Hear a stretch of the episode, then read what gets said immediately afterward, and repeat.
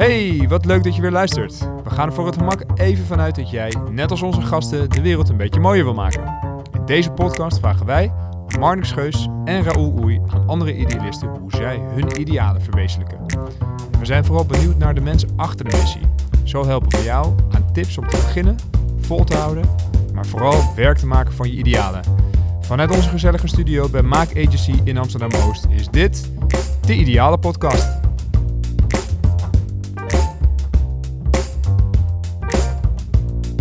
Lucas, welkom eh, bij de Idealen podcast. Ehm, wat vind je van de tune van onze podcast? Nou, ik heb hem lang niet gehoord, maar eh, ja, ik vind hem goed werken. nou, de luisteraar heeft hem net weer gehoord, eh, maar die, die is natuurlijk eh, door jou ontwikkeld, waar we je zeer dankbaar voor zijn. Het is geweldig dat je hier nu ook als gast Ja. deel uitmaakt van... Part of the deal, hè, toch? Ja, precies. Nee, grapje. Nee, maar heel leuk. Ik dacht, dat, het werkt wel goed om zo'n eh, een goede tune te hebben. Dat, dat werkt Heerlijk, lekker, joh. heerlijk, Ja, heel professioneel. Dankjewel. Eh muzikus en wereldverbeteraar, oprichter van Sounds of Change. Als je Sounds of Change nou in één woord zou moeten omschrijven, welk woord zou je dan nu kiezen? Eén woord. Eh, zo, die, die over, overval je me mee. Ehm, eh, hoop. Hoop. Mooi. En waarom hoop? Nou, omdat ik zie dat ik mensen eh, probeer tools te geven waarmee ze iets kunnen bereiken wat, wat verder komt. En, eh, en dan ook, ook omdat we het op een duurzame manier proberen te doen door zelf mensen op te leiden die het weer voortbrengen. Denk ik dat het mensen die vastzitten met kinderen of met cliënten of met volwassenen, dat het een beetje hoop geeft dat ze weer nieuwe tools krijgen om mensen te, te bereiken. En, eh, Ja, je doet het nu al een beetje, hè, dus eh, nu mag je even lekker dat gewoon in een paar zinnen vertellen. Ja, ja. Wat, wat, wat, doet Sounds of Change? Nou, we werken met de kracht van muziek. En dan muziek niet als doel van we gaan allemaal eh, de liedjes van de Beatles op de gitaar spelen, maar echt als middel. En als middel om mensen in staat te stellen sociale verandering en eh, mentale verandering teweeg te brengen. En dat doen we dus niet zelf, maar we, we leiden mensen op om, om dat zelf te gebruiken, die kracht van muziek. En eh, dat is eigenlijk wat we vooral doen. Dus we geven trainingen aan docenten, hulpverleners, psychologen, soms kunstenaars. Kunstenaars die niet doorhebben dat ze eigenlijk een heel krachtig middel al hebben. En we laten ze zien hoe ze dat middel kunnen inzetten voor de samenleving. Dus echt muziek als middel en we leiden dan mensen op om dat zelf te doen. En dat doen we op allerlei verschillende plekken. Dus in Nederland, in het buitenland, veel in het Midden-Oosten. En vaak op plekken waar, waar veel aan de hand is. Ja. In de Oekraïne nu ook, hè, sinds Ja. ruim een jaar zie ik jou aanwezig. Ja. Ja. En jij- je, je, je bent natuurlijk van huis uit een muzikus, hè, eh, Mhm. conservatorium geschoold. Ehm, en heel goed in improvisatie. Ik heb dat een paar keer ook mee mogen maken, hoe jij te werk gaat. is fantastisch om te zien. Hm. Eh, dus ja, koning van improvisatie zou ik je willen noemen. Dus een soort go with the flow. Is dat een bewuste keuze? Ook hoe je dat inricht met jouw NGO, met Sounds of Change. Want daar doe je dat eigenlijk ook, ook een beetje. Hè? Je, je, je gaat naar waar het nodig is. Je beweegt mee Ja. met de behoeften. In plaats van dat je een soort vaste Ja. organisatie neerzet. Is dat, is dat een bewuste keuze? Ja, want ik kan niet weten vanaf mijn kantoor in Amsterdam eh, wat er nodig is in, eh, in Oekraïne of in Syrië of in Irak of in Libanon. Mensen zelf weten dat heel goed. En wij hebben allerlei ervaringen en, en dingen die we kunnen gebruiken. Die laten we ze ook zien. Maar die mensen zelf moeten bepalen wat, wat ze gaan gebruiken en op welke manier. En die aanpak, dat vraagt om een improvisatie. Dus dat wij heel erg inspelen op wat er gebeurt in het moment. Dus Ja. die, ja, en ook de, de, de, de trainingen die we geven, doen we ook op die manier. Want de, ehm, eh, je kan niet van tevoren bedenken wat je de dag daarna gaat doen zonder daar open te staan voor verandering. Want het leven waar mensen in zitten, waar ze dus in werken dagelijks, op, in die conflictgebieden, dat is ook een chaos vaak. En, eh, en dat, dat vraagt om een, om een flexibele aanpak. En wij, wij gaan volledig voor impact. En impact maak je alleen maar als je een, en een plan hebt en continu open staat voor wat er nodig is in het moment. En dat kunnen die mensen het zelf het beste aangeven. Kan je dan omschrijven wat dan precies die kracht van muziek is waarmee je mensen kan helpen en waarmee je dan impact maakt? Want je hebt het over, je traint mensen om inderdaad community builders te worden, maar wat, wat is het nou precies? eh? Nou, het, het, zijn, het zijn een aantal verschillende dingen die muziek kan doen. Het, eh, ehm, het, muziek helpt om mensen om zich te uiten en om contact te maken, te communiceren op, op een manier die anders is dan wat je normaal doet. Ehm, dus voor heel veel mensen kan het een, kan het een heel vrij eh, eh, goed gevoel geven om jezelf in klank of in beweging of in een kleur of op een andere manier te uiten dan met woorden. Dus we hebben ook vaak bijvoorbeeld dat mensen eh, in één keer een heel dramatisch verhaal gaan vertellen. Die durven het niet in woorden te vertellen één op één, maar ze durven het wel te zingen. Of ze durven het wel te tekenen. Of ze durven het wel in een, gedicht om te zetten. Dus dat je er iets mee doet. Dat is één. Ehm, ik denk dat wij heel veel met eh, community gebaseerde activiteiten werken. Dus die heel erg gaat over samen doen. Dus niet muziek maken in je eentje met je gitaar, maar juist in relatie tot een ander. Zodat het ook heel erg gaat over eh, dat mensen ervaren, hey, ik kan in een veilige omgeving kan ik eigenlijk veel meer doen. En het, en het durven spelen en nieuwe dingen ontdekken, dat is iets wat heel waardevol is voor mensen. Dus uh, vooral mensen die ook op plekken wonen die um, complex zijn, maar ook niet zo vrij, zoals een vluchtelingenkamp of soms wel uh, een gevangenis. Of, um, maar het kan ook een achterstandswijk zijn. Er leven vaak mensen op plekken waar ze heel weinig bewegingsruimte hebben. Dus die, je, kan niet, je kan niet zelf bepalen waar je vanavond heen gaat, of met wie je omgaat, of wat je eet. En ik denk dat in, in creatieve, in kunst activiteiten, maar ook in creatieve activiteiten, met ook muziek, maar ook met tekenen, kan je mensen de ruimte geven om weer zelf keuzes te maken en zelf na te denken over wat ze willen zeggen en op welke manier en hoe ze naar de wereld kijken. Ja, mooi. Dus creativiteit ook vooral. En, en we doen ook met onze trainingen ook veel niet-muziekactiviteiten. Dus het gaat niet alleen maar over muziek, maar we leren mensen ook om een gesprek te faciliteren. Dus hoe kan je met een groep um, een, een open space creëren en hoe kan je mensen uitnodigen om iets over zichzelf te delen. Dus het is niet alleen maar muziek, maar het is juist ook dat we. De muziek is, is, het, is ons middel, maar Ja. binnen de training zitten ook heel veel non-muzikale activiteiten. Ja. Hey, en als we, ehm, voordat we helemaal de diepte induiken over, eh, over de methode en eh, eh, wat, wat, wat echt ja, wat fascinerend is en wat, wat, wat absoluut heel veel mensen gaat inspireren, vinden we het wel fijn om even terug te gaan naar ja, de Lucas die op een gegeven moment het gevoel had dat hij met, met zijn muziek ja, een andere kant op moest en, en, en meer impact wilde maken. Kan je, kan je nog terughalen wanneer, wanneer dat was? Wanneer ja, jij dat gevoel had van hé, hey, nu, ehm, nu moet ik wat andere stappen zetten in mijn leven? Nou, voor mij was het sowieso al dat ik sinds ik 12 was, wilde ik eigenlijk voor Artsen zonder Grenzen werken. Dat was mijn grootste droom. En op een of andere manier ben ik de muziekkant opgegaan. Dus dat was sowieso al toen ik 18 was een, eh, een grote keuze die ik moest maken van ga ik dan, word ik dokter of ga ik de muziekkant op? En het werd muziek. En voor mij was het het grote moment, was eh, de oorlog in Syrië die begon. En ik weet nog dat ik toen maandenlang naar de televisie keek en dacht, oh, als ik nu dokter was geweest, dan had, was ik nu naar Syrië gegaan of naar de omringende landen om iets te doen voor de mensen daar. Had ik iets kunnen betekenen. Ja, en nu ben ik tussen aanhalingstekens maar muzikant. En eh, ik heb toen ook echt overwogen om te stoppen met helemaal met muziek. Ik heb ook gekeken of ik niet een eh, opleiding tot verpleegkundige kon gaan doen of zo. Hm.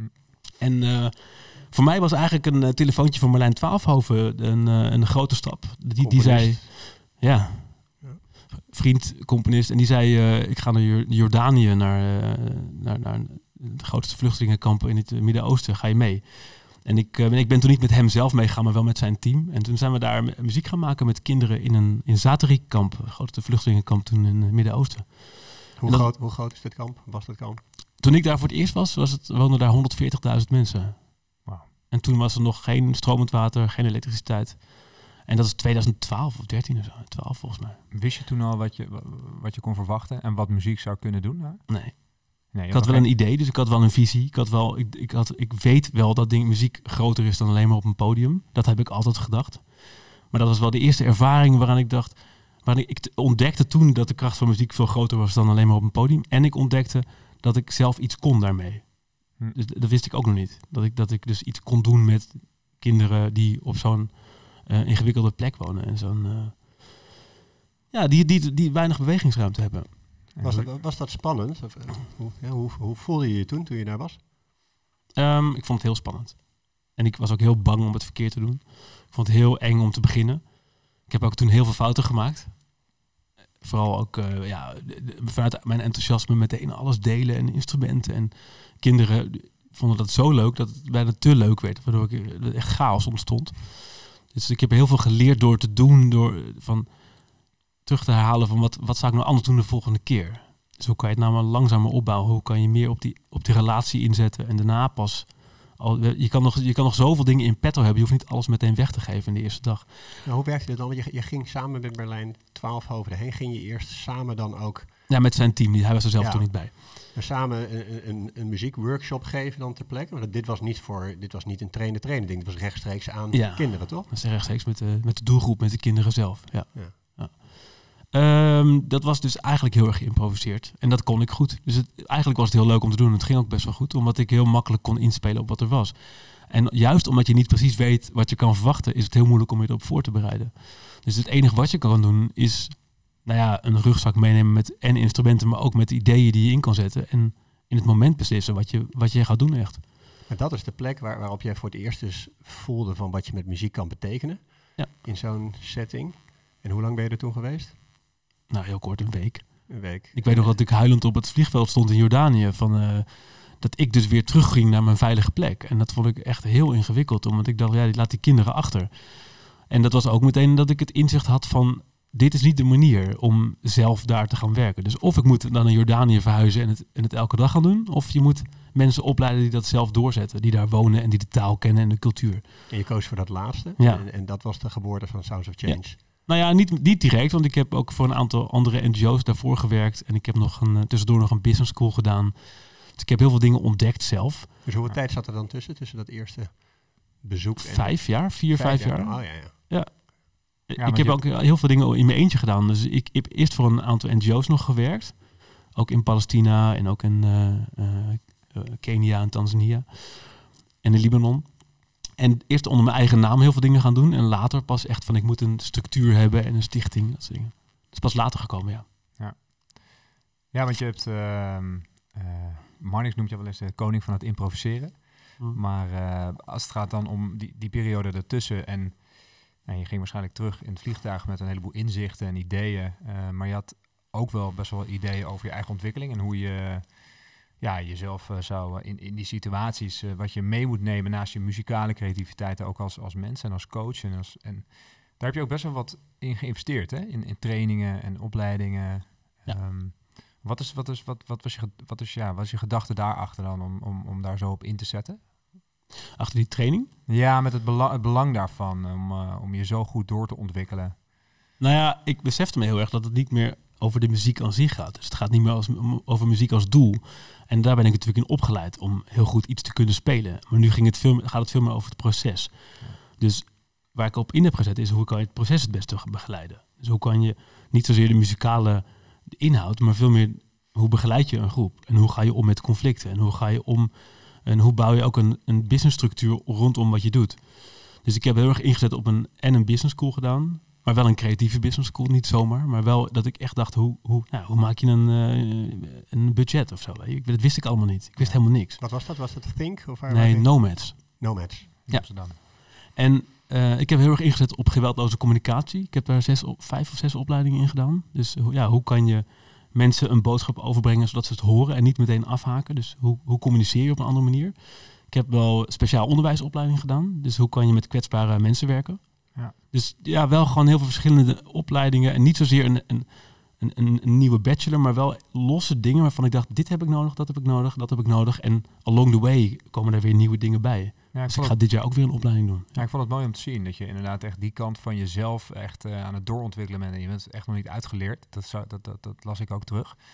En eh, want, ehm, ja, want hoe, hoe, hoe gaat het nu met je? Met Nou, wat het- je nu aan het doen bent en eh, waar je nu staat. Het grappige is, wat, wat ik er nog aan wilde toevoegen van net, van ik heb ook een hele een soort rouwperiode gehad. Want er was een periode dat ik, ik was best wel een bekende muzikant in Nederland. En ik, heb, ik speelde in bekende bandjes in ieder geval. Dus niet per se onder mijn naam, maar in de jazz scene deed ik heel veel. En ook wel met wat popdingen. Ja, Room 11, zullen de meeste mensen kennen. Ja, Dat vind jij nooit altijd, eh, dat vind je altijd jammer als mensen daar eens eerst aan refereren. Nou maar het is, ik ben er heel trots op. Maar er zijn een aantal andere projecten geweest, ook met ja, Tim en de telefoon. Maar er is natuurlijk een periode geweest waarin ik... Ik ging het erbij doen eerst. Dus ik was dan muzikant en ik deed wat projecten in het buitenland. En dan, da- dat vonden mensen leuk om te horen. En op een gegeven moment kwam het natuurlijk een, ging het draaien naar... Als ik die projecten in het buitenland goed wil doen... dan moet ik ook meer tijd voor vrijmaken. Dus er was een, een periode dat ik eigenlijk bijna niet meer speelde. En dat ik dus daar tijd voor ging maken. En dat vond ik heel eng. Heel spannend. Welke, welke, eh, wa- wa- waar, zitten we dan nu? Want je had het bezoek aan het vluchtelingenkamp. Je zegt het heeft toch wel vijf jaar geduurd voordat echt Sound Ja. Change werd opgericht. Hè? Dus je, ben- je bent je gaan bijscholen, je bent je eigenlijk gaan, gaan vormen tot ondernemer en therapeut eh, naast eh muzikus. Ja, een Of- soort van. ja, toch? Ik, ik denk, ik voel je wel een Hm. beetje. soort van, ja. Ja. Welk jaar is dat? Dat, ik, dat- die overgangsfase er was. Ja, dat was denk ik in jaar eh, eh, eh, dit- 13, 14, 15 zo.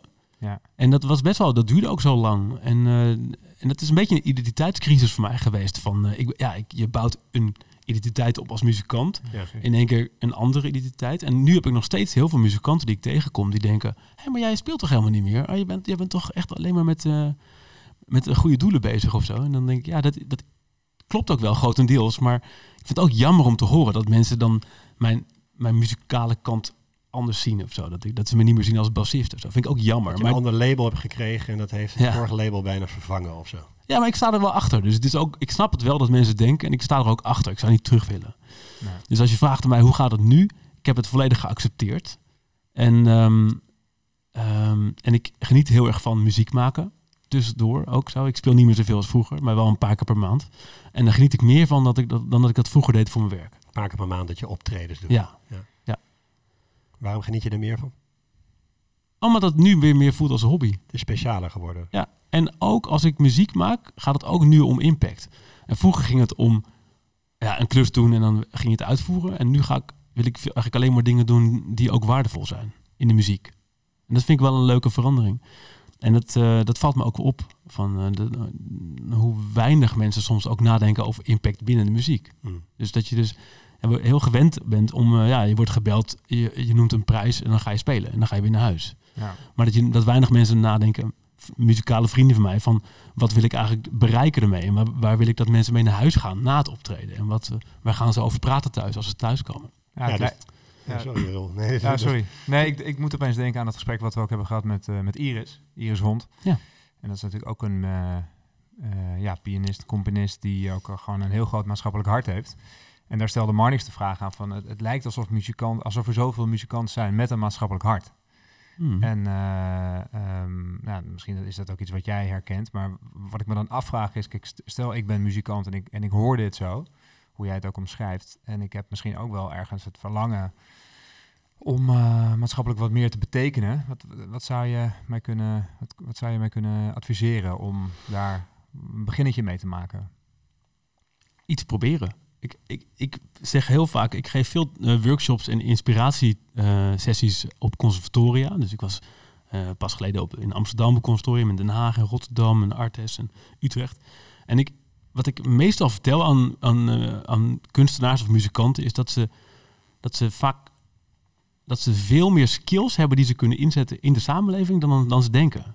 Dus iemand die jazz speelt en improviseert, die weet heel veel over leiderschap en die weet heel veel over groepsprocessen en heel veel over een veilige ruimte en heel veel over de, de- ja, die heeft een bepaalde kracht ook in het durven eh, ontdekken van nieuwe dingen. En als je dat vertaalt naar iets naar een andere context, dan kunnen mensen vaak heel veel. Alleen beseffen ze het zelf nog niet. Nee.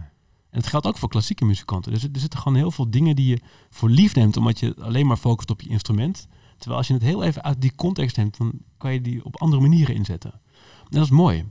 Ja, het is wel bijzonder wat je zegt. Want eh, als iemand een speech geeft, dan denk je daar natuurlijk over na. Van met welk, welk gevoel wil je mensen naar huis sturen? Wat moeten ze onthouden hebben of zo? Ja. Eigenlijk zeg je dus van de, dat, dat muzici moeten ook op die manier naar hun talent kijken. Naar hun optredens kijken. Zeker. En, en, en sommigen doen het ook. Maar het is meer van, weet je, ik speelde vroeger ook in, met, met, Room 11, dan maakten we een setlist en dan gingen we die twintig keer spelen. Terwijl nu ben ik, zeg ik altijd, ja, maar je kan niet van tevoren weten wie er morgen voor jou op het podium staat. Dus je kan wel een setlist maken, maar je moet ook eh, bereid zijn om in te spelen op wat het publiek nodig heeft. Dus dat je er veel meer op die relatie gaat inzetten van, het is niet alleen maar wij doen ons dingetje en, gaan, en iedereen gaat daarna weer naar huis, maar dat je heel erg, je kan er veel meer uithalen. En dat voelen mensen ook. En dan voelen ze zich meer betrokken. En dan voelen ze ook meer dat het die- dieper binnenkomt. Op het moment dat, dat, je, dat, dat je het gevoel geeft dat je iets op maat maakt. En dat je ook naar hen luistert. En dat, dat je het samen doet. Dus eigenlijk dat je publiek eh, het gevoel geeft dat ze niet anoniem zijn. En dat is ook hoe je naar Sounds of Change kijkt. Van het is altijd maatwerk. Je hebt geen vaste, een vast tramien waar mensen doorheen gaan. Maar je moet op een gegeven moment toch wel een soort van standaardiseren of zo. Hè? Je hebt, Ja. je hebt eh, ik las het, 67 67 webinars of zo voor eh, therapeuten in de Oekraïne Hm? eh, georganiseerd sinds het uitbreken van de oorlog. Ongekend aantal, met een heel klein team. Ja. Maar dat, dat is niet elke keer een ander webinar, toch? Ehm, nou, we, we hebben een structuur die we aanhouden. Dus de structuur is altijd hetzelfde. We beginnen en we eindigen het op dezelfde manier. Vaak met muziek ook trouwens. Ehm, maar er is heel veel ruimte voor wat de mensen nodig hebben. Wij kunnen echt niet van tevoren weten wat, wat zij daar nodig hebben. Dus het is heel erg... ehm, een, de, gedeelte is kennisoverdracht. En een, en een heel groot gedeelte is ingaan op vragen. En ook mensen zelf in gesprek laten gaan. Ik, als wij met eh 100 psychologen online aan het werk zijn, eh, dan kunnen die mensen elkaar ook helpen. Ze hebben ook allemaal ervaringen. Het is niet dat wij de expert zijn en dat wij alle antwoorden hebben. Ze hebben zelf ook antwoorden. En wij creëren ook een gesprek onderling waarin ze elkaar kunnen adviseren.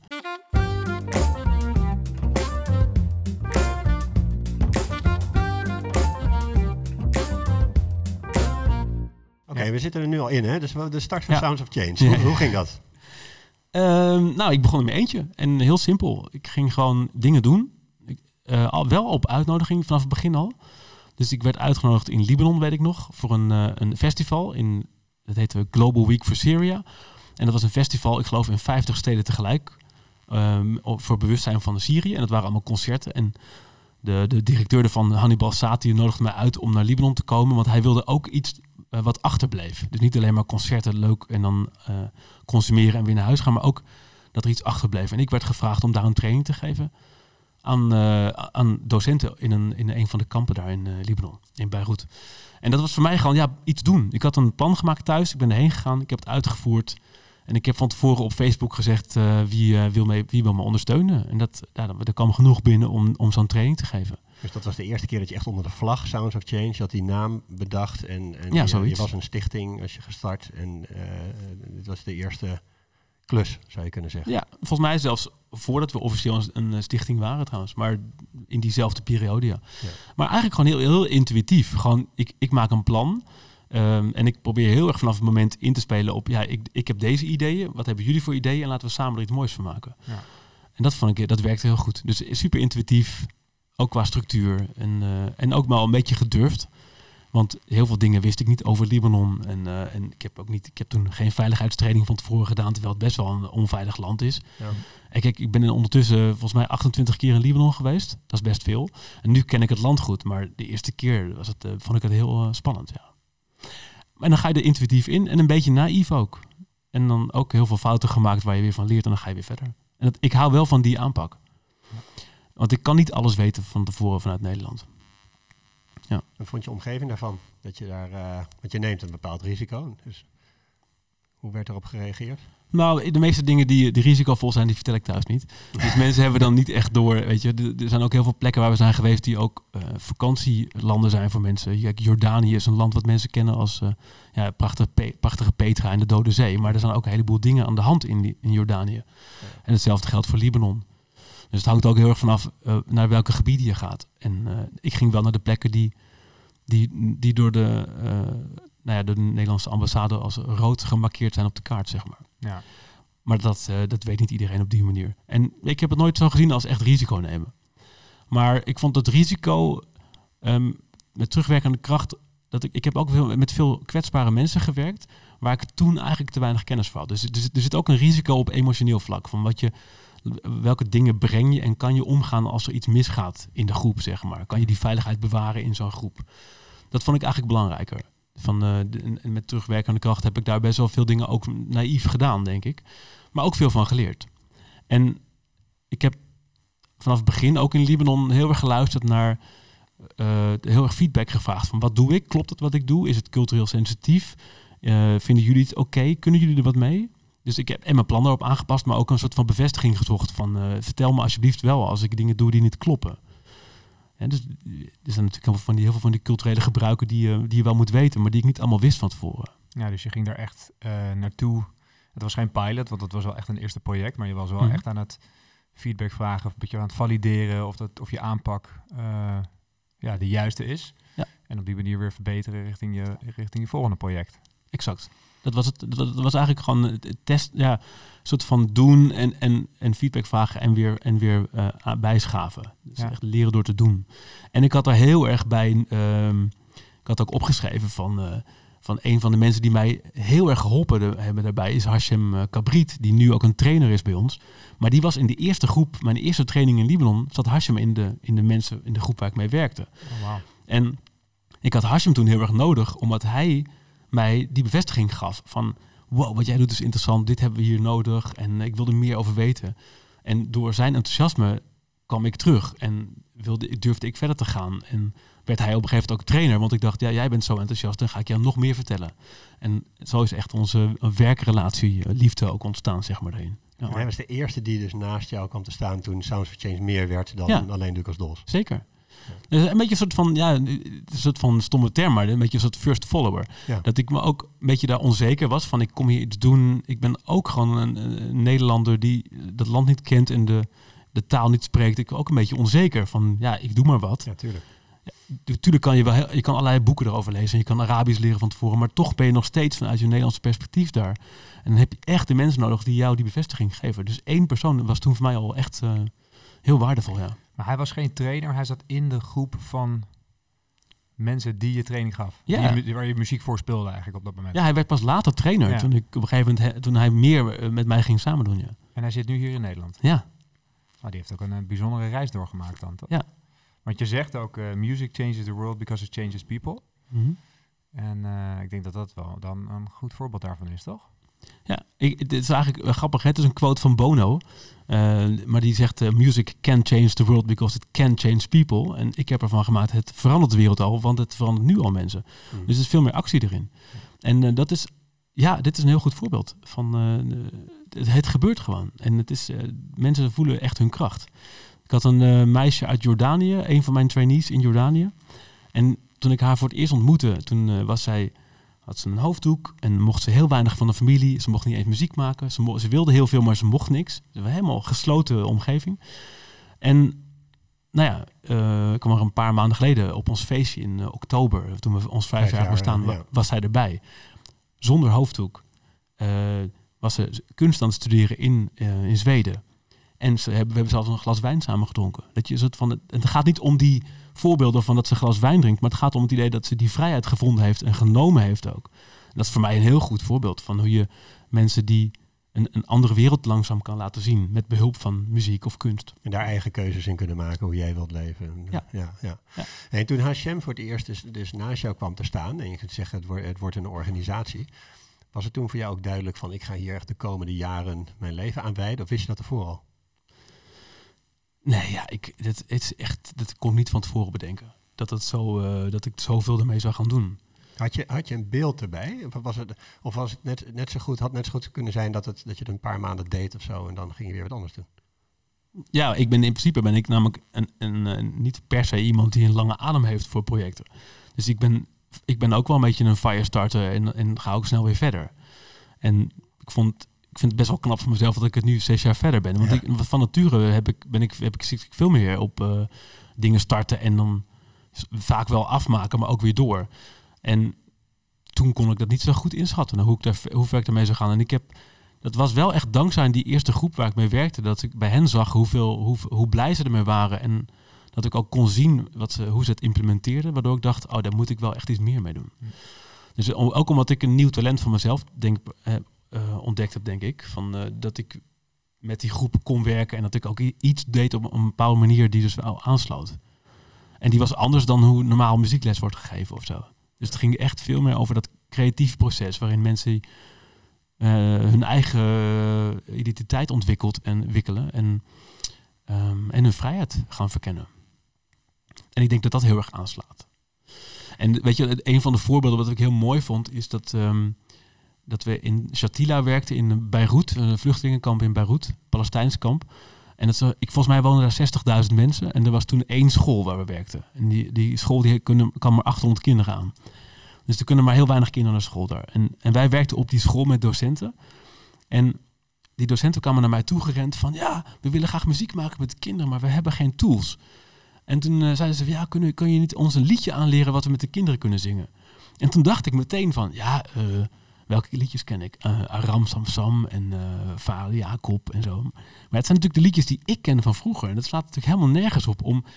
Misschien vinden ze het leuk, maar het slaat, heel, nergens op om hen dingen aan te leren die ik leuk vind. Dus het, wat toen Hashem en ik zeiden, en, met, en Han, een van onze andere trainers, van... Nee, we gaan jullie geen liedje aanleren, we gaan samen een nieuw liedje maken. En toen hebben we met hen samen in een dag een liedje gemaakt, wat ze nog steeds zingen met de kinderen.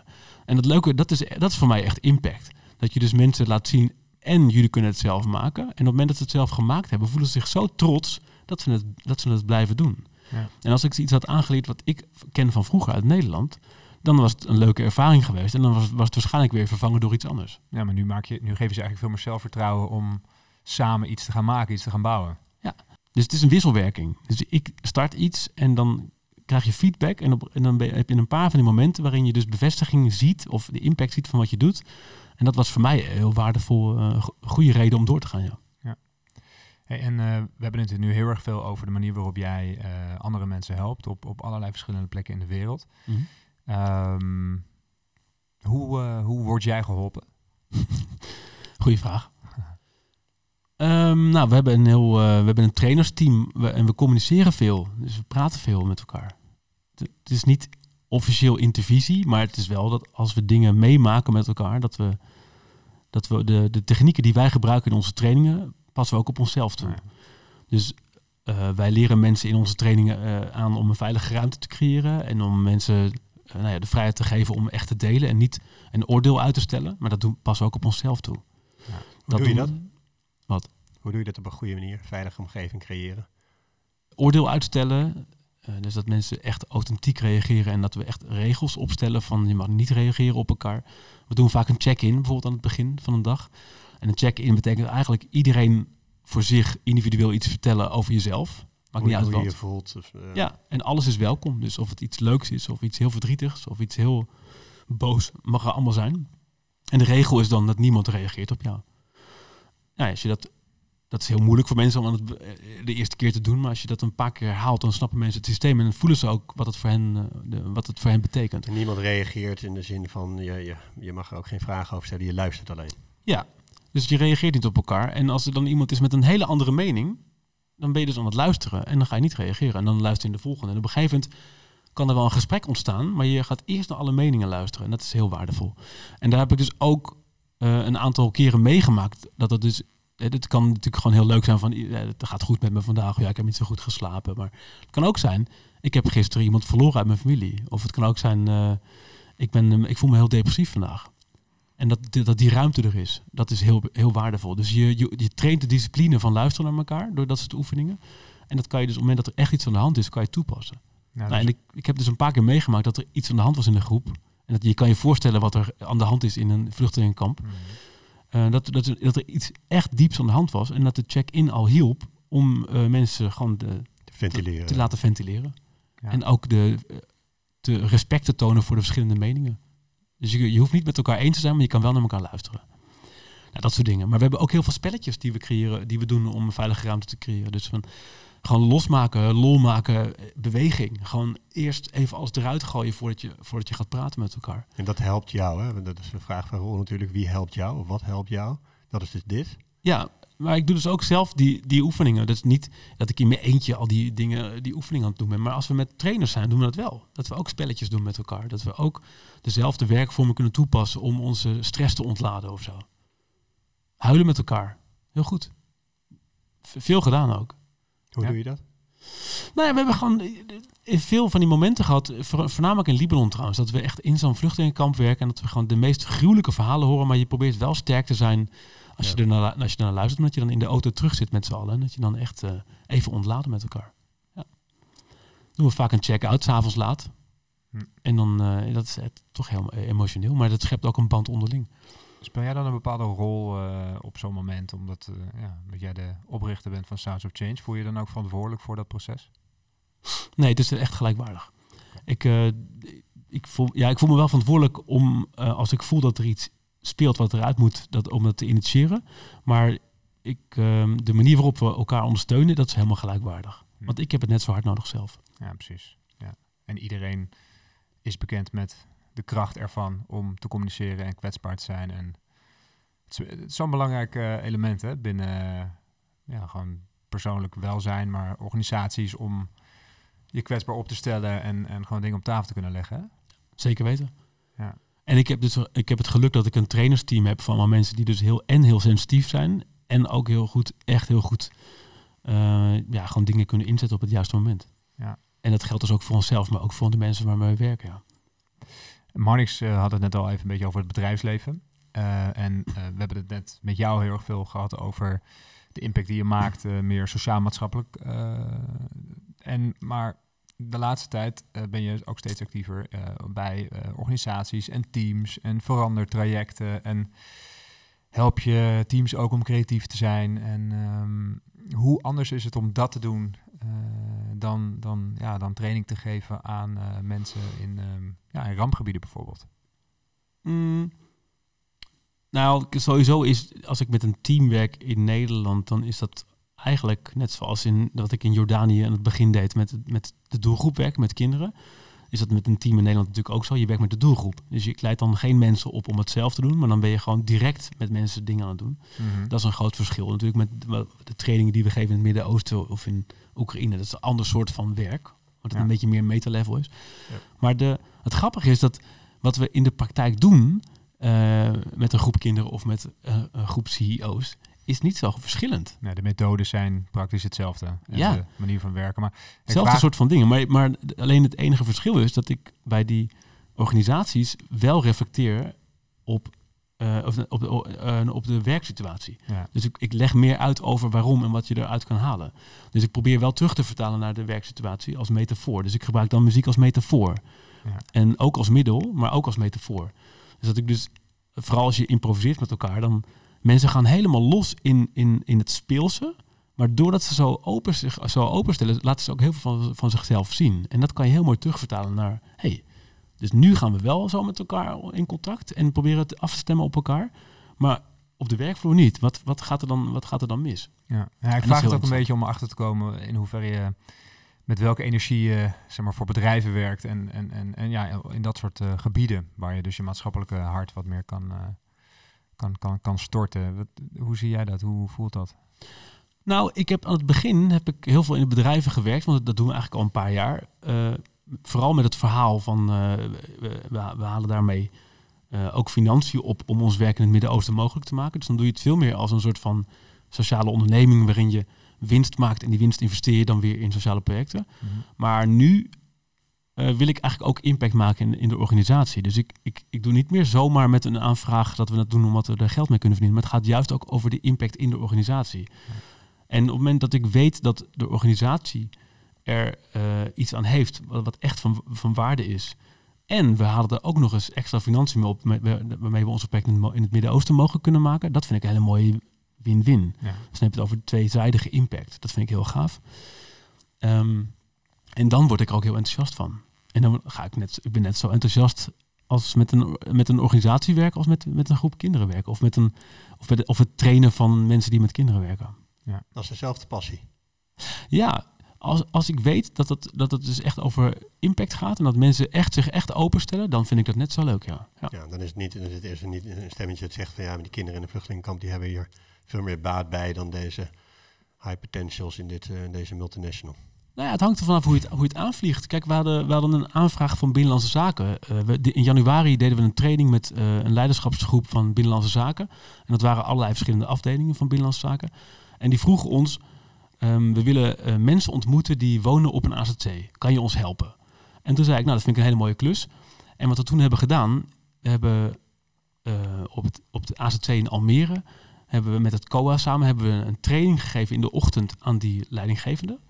En toen hebben we na de lunch zeiden we van nou, eh, vanmiddag komen de bewoners van het AZC en dan gaan we samen muziek maken. En jullie zijn niet van, van Binnenlandse Zaken vandaag, maar jullie zijn muzikanten vandaag.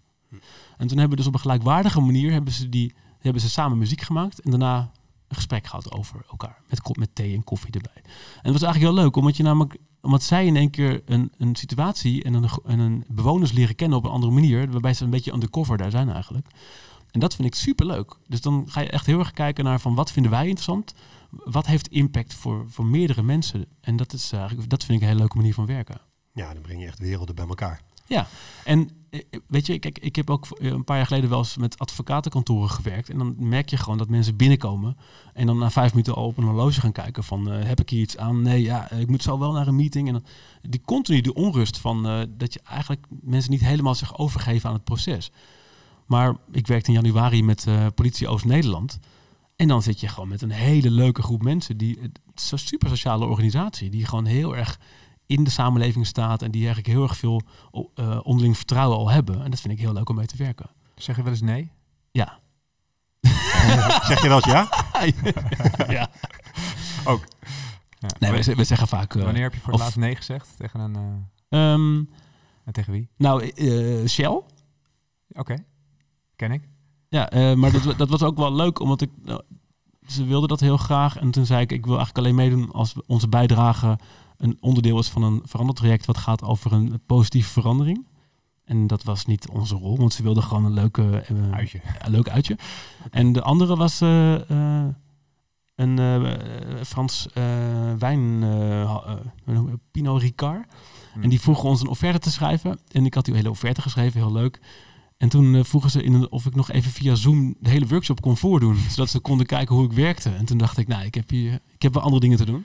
Dus toen heb ik ze vriendelijk bedankt. Van, ik, heb, ik, ik doe, ik doe het eh, op, vertrouwen, op basis van vertrouwen. Maar ik ga niet zo ver in, eh, in mijzelf bewijzen. Ondanks, dat het, ondanks het feit dat dat geld, dat je dat kan gebruiken om projecten in het Midden-Oosten te financieren? Ja, maar er zijn, er zijn ook andere vra- aanvragen. Dus ik, ik, ik moet ook gewoon kiezen voor mijn... ik heb gewoon... tijd is, tijd is eh, een- Schaar. ja, schaars. Niet, ik wou zeggen kostbaar, maar het gaat veel meer over... Ik wil mijn tijd gewoon op, een- op een impactvolle manier investeren. En, en dan kan ik een paar dagen per maand vrijmaken voor een, voor een bedrijf. En dan doe ik dat liefst met een bedrijf wat op, op met gelijkwaarde, gelijke waarde eh, Ja, functioneert. het moet jou ook energie blijven geven. Ja. Jouzelf ook. Hè, de- als we het daarover hebben, nou ja, als je nu kijkt naar de afgelopen zes jaar, wat, wat was een moment dat je van Sounds of Change even helemaal geen energie meer kreeg en begon te twijfelen van moet ik hiermee door of niet? COVID. Ja. Dat was het mo- eerste moment waarvan ik dacht, wow, ons werk is super kwetsbaar. Want je zag toen eh, tijdens corona zag je dat, dat er in één keer allemaal, nou ja, de hele eh, eh, culturele sector lag op zijn gat, maar ook, eh, eh, ik wil, cafés en restaurants, en, maar ook ons werk. Dus we, we- er was in één keer gebeurde er iets waarvan je dacht, we zijn keihard aan het bouwen met elkaar als met Sounds of Change. In één keer lag het helemaal op zijn gat. Want wij waren natuurlijk totaal gebaseerd op eh, vliegen en, en reizen. Dus En ik, niet dat ik per se wil vliegen, maar het was wel gewoon dat ons werk heel veel plaatsvond in het buitenland. En dat, dat lukte dus niet. In principe, hè. je kan niet samen spelen en hetzelfde gevoel hebben als je muziek maakt via Zoom of zo. Maar er zijn wel een heleboel dingen die je wel kan doen. En wij zijn toen heel erg gaan nadenken over wat kan je wel doen en daar volledig op gaan focussen. En als je dan naar de kern gaat van wat wil je eigenlijk bereiken, we willen niet dat mensen leren gitaar spelen per se. Maar we willen graag dat mensen leren luisteren naar elkaar. We willen graag dat mensen creatief worden. Nou, dat kan je allemaal doen online. Dus we zijn heel erg gaan kijken van wat kan er wel. En wat is nou eigenlijk de kern van wat we willen bereiken. En dan kom je bij de kern van wat is... Waar, wat, wa- waarom muziek als middel en wat wil je dan bereiken? En dat, dat heeft vaak niet te maken met muziek. Maar dat heeft veel meer te maken met gelijkwaardigheid en met luisteren naar elkaar en mogelijkheden verkennen en toekomstperspectief. Nou, dan kan je allemaal ding- nieuwe dingen bedenken die daaraan voldoen. Ja, dus als je dit in een vorm eh, ziet, eh, om het even ook tastbaar te maken voor, voor anderen, eh, is het dan zo dat je in die periode online trainingen of webinars hebt gegeven, dus zonder muziek, maar om andere mensen te trainen op die eigenschappen die je net noemde bijvoorbeeld? Ja, en ook met muziek, maar dan muziek een beetje eh, hoe noem je dat? Ja, beperkt. Ja. beperkt. Dus muziek luisteren met elkaar. het wel teksten schrijven kan ook met elkaar. eh. Het- dus alleen het letterlijk spelen van een instrument en, en met een ander samen, dat is ingewikkeld. Maar we hebben allemaal tools ontwikkeld tijdens co- corona die dus wel werken. Dus een van de dingen die we hebben gedaan. We hebben koffers gemaakt met instrumenten en die hebben we opgestuurd naar die landen waar we werken. En eh, bijvoorbeeld in Irak hebben we vier koffers heen gestuurd. En dan ben je op Zoom aan het werken. En dan heb ik hier een muziekinstrument aan deze kant. En aan de andere kant hebben ze een koffer met dezelfde muziekinstrumenten.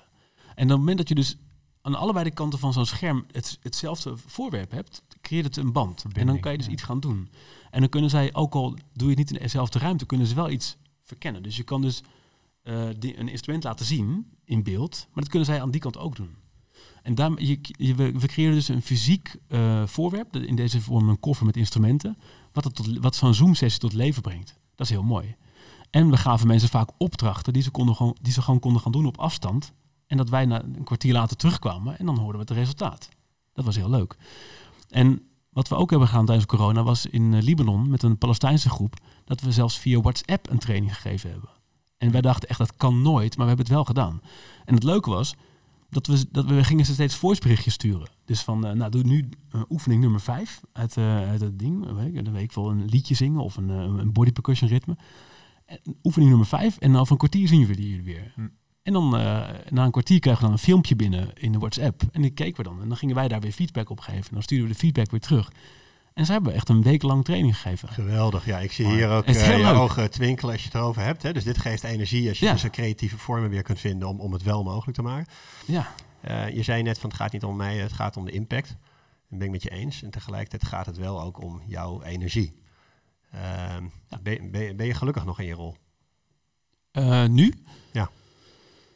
Ehm, ja, ik vind, het, ik vind het nog steeds fantastisch. De, de- ik, maar ik merk wel dat als ik, als ik ve- als veel ehm, hobbels achter elkaar heb, dus veel, veel een beetje tegenwind, dan ben ik ook dus.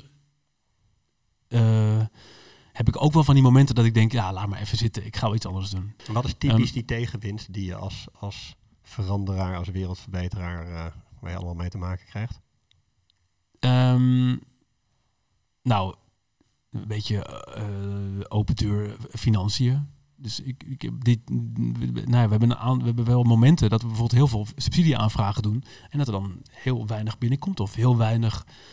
ehm, je ja, allemaal afwijzingen krijgt. en heel veel afwijzingen of, heel, of gewoon fondsen die niet reageren of zo.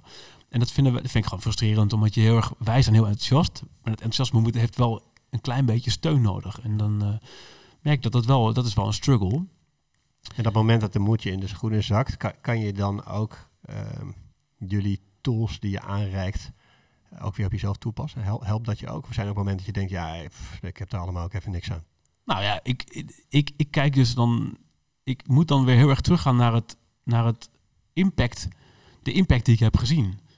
En dat vind ik, dat, dat is voor mij waar het om gaat. En dan voel ik weer, oh, daar doen we het voor. Dus ik, als je heel lang achter je laptop thui- in Nederland zit te werken om dingen voor elkaar te krijgen, dat, dan, ik, ik raak dan een beetje de, de verbinding met, met, het, met, het, eh, met, met wat we echt aan het doen zijn kwijt. Ja. Ja. En als je dan op een gegeven moment weer een filmpje terugziet van, eh, van trainees die we hebben geïnterviewd in weet ik veel, eh, Libanon of in Syrië. En dat je dan denkt, wow, wat zij daar zeggen over wat wij aan hen geven, dat is, daar gaat het om. En dan voel je weer de energie terugkomen.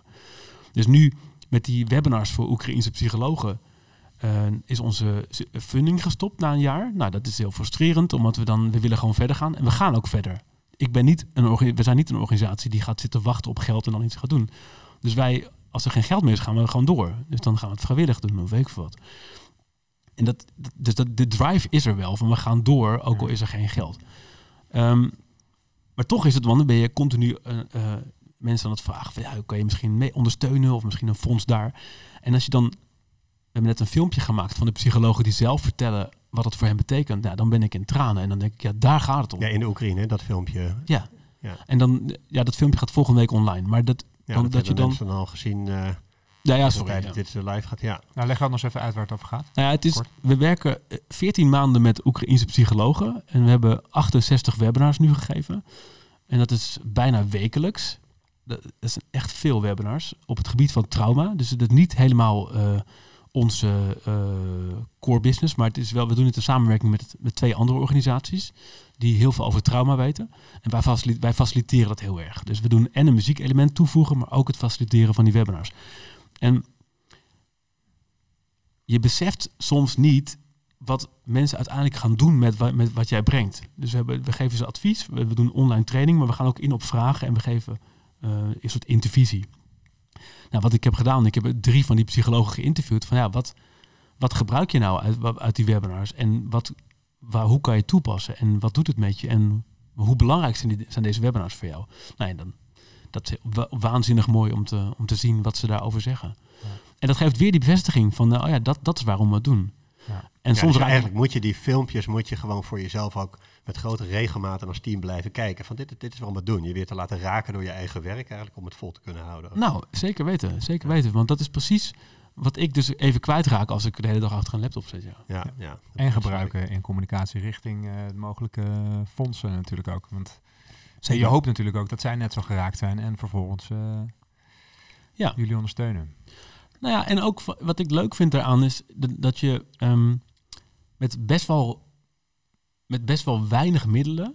Nee, ik heb het niet over geld, maar ik heb het echt over eh, een uur of twee uur per week dat je zo'n webinar doet, dat je heel veel impact kan maken. Ja. En dat je ook als, als kleine organisatie heel veel kan doen als je maar, als je maar gewoon netwerk hebt en, en echt inzet op langdurig in, eh, langdurige ondersteuning.